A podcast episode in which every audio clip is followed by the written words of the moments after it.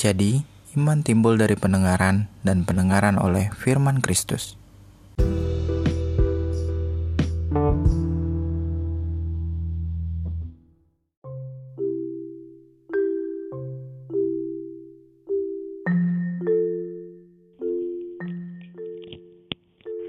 Pernahkah kamu mendengar firman Tuhan dalam Filipi 4 ayat 4 yang berkata, Bersukacitalah senantiasa dalam Tuhan. Sekali lagi kukatakan, bersukacitalah. Bersukacita senantiasa adalah perintah yang mudah diucapkan, namun sulit untuk dilakukan. Dalam kehidupan sehari-hari, banyak sekali hal-hal yang membuat kita sulit untuk bersukacita. Seakan-akan hidup kita jauh dari ideal yang kita inginkan. Tapi di atas semuanya itu Tuhan tetap berfirman, bersukacitalah senantiasa. Setelah saya renungkan, saya menemukan bahwa salah satu penghalang utama supaya kita dapat bersukacita adalah diri kita sendiri. Seringkali kita tidak puas dengan keadaan diri kita. Banyak hal yang ada pada diri kita, kita anggap kurang ideal. Mulai dari keadaan fisik, harta yang dimiliki, kemampuan yang pas-pasan, serta berbagai kekurangan lainnya. Kekurangan-kekurangan inilah yang membuat kita juga merasa tidak layak ketika diberi kepercayaan lebih dari manusia maupun dari Tuhan. Kita jadi merasa tidak mampu, tidak becus, tidak pantas. Sehingga setiap kali ada kepercayaan diberikan, kita malah merasa terbebani Betul, kita ini manusia yang penuh dengan kekurangan di sana-sini. Tapi sesungguhnya kita tidak boleh melupakan fakta bahwa kita ini adalah ciptaan yang baik oleh Tuhan yang luar biasa. Masa kita mengecilkan perbuatan Tuhan? Daud dalam Mazmur 139 ayat 13 sampai 16 berkata, Sebab engkaulah yang membentuk buah pinggangku, menenun aku dalam kandungan ibuku. Aku bersyukur kepadamu oleh karena kejadianku dahsyat dan ajaib. Ajaib apa yang kau buat, dan jiwaku benar-benar menyadarinya. Tulang-tulangku tidak terlindung bagimu ketika aku dijadikan di tempat yang tersembunyi, dan aku direkam di bagian-bagian bumi yang paling bawah. Matamu melihat selagi aku bakal anak, dan dalam kitabmu semuanya tertulis hari-hari yang akan dibentuk sebelum ada satupun daripadanya. Ketika kita berfokus pada kekurangan kita, kita sebenarnya menghambat diri kita sendiri untuk dapat dibentuk oleh Tuhan menjadi pribadi yang lebih baik dari hari ke hari.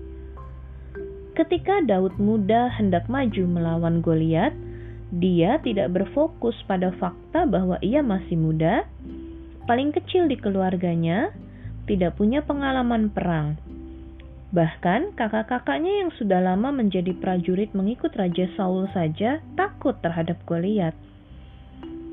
Apalagi ketika Daud mengenakan pakaian perang Saul, ia malah menjadi sulit berjalan karena terlalu berat baginya. Bagaimana caranya Daud mau melawan Goliat yang besar dan membawa banyak perlengkapan perang dan senjata yang lengkap? Tapi apakah Daud fokus dengan semuanya itu? Dalam 1 Samuel 17 ayat 45, Tetapi Daud berkata kepada orang Filistin itu, Engkau mendatangi aku dengan pedang dan tombak dan lembing, tetapi aku mendatangi engkau dengan nama Tuhan semesta alam, Allah segala barisan Israel yang kau tantang itu.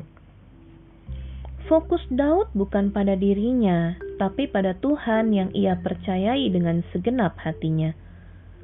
Kita ini sebenarnya sama dengan Daud, tidak sempurna. Tapi kita juga harus sadar bahwa keadaan kita saat ini adalah work in progress yang belum selesai. Selama kita berjalan bersama Tuhan, Ia yang akan membentuk kita, menjadikan kita semakin hari semakin sempurna sesuai dengan kehendaknya.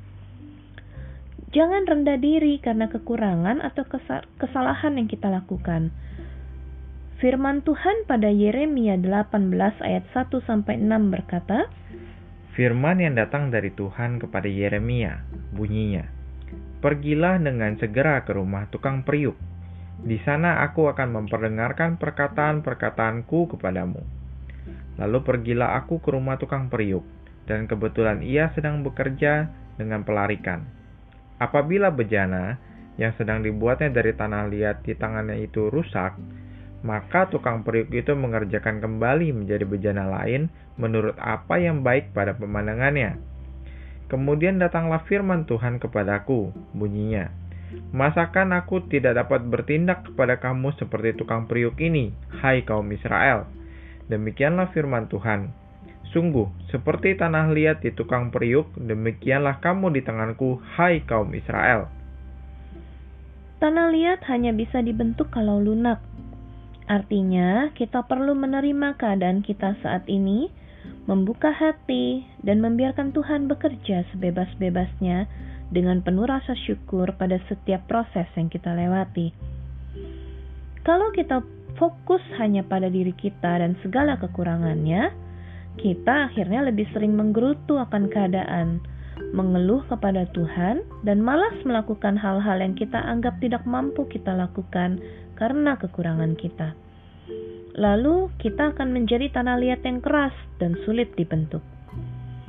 Betapa menyedihkannya orang yang tidak mampu menerima dirinya sendiri apa adanya. Padahal pribadi yang paling dekat dengan diri kita adalah diri kita sendiri. Kita selalu akan bersama dengan diri kita sendiri dalam keadaan apa pun, kan? Firman Tuhan mengajarkan kita untuk dapat mengasihi sesama manusia seperti diri kita sendiri. Bagaimana kita bisa mengasihi sesama kita kalau kita bahkan tidak mampu mengasihi diri kita sendiri? Kalau kita selalu berperang dengan diri kita sendiri, bagaimana kita mau bersuka cita senantiasa?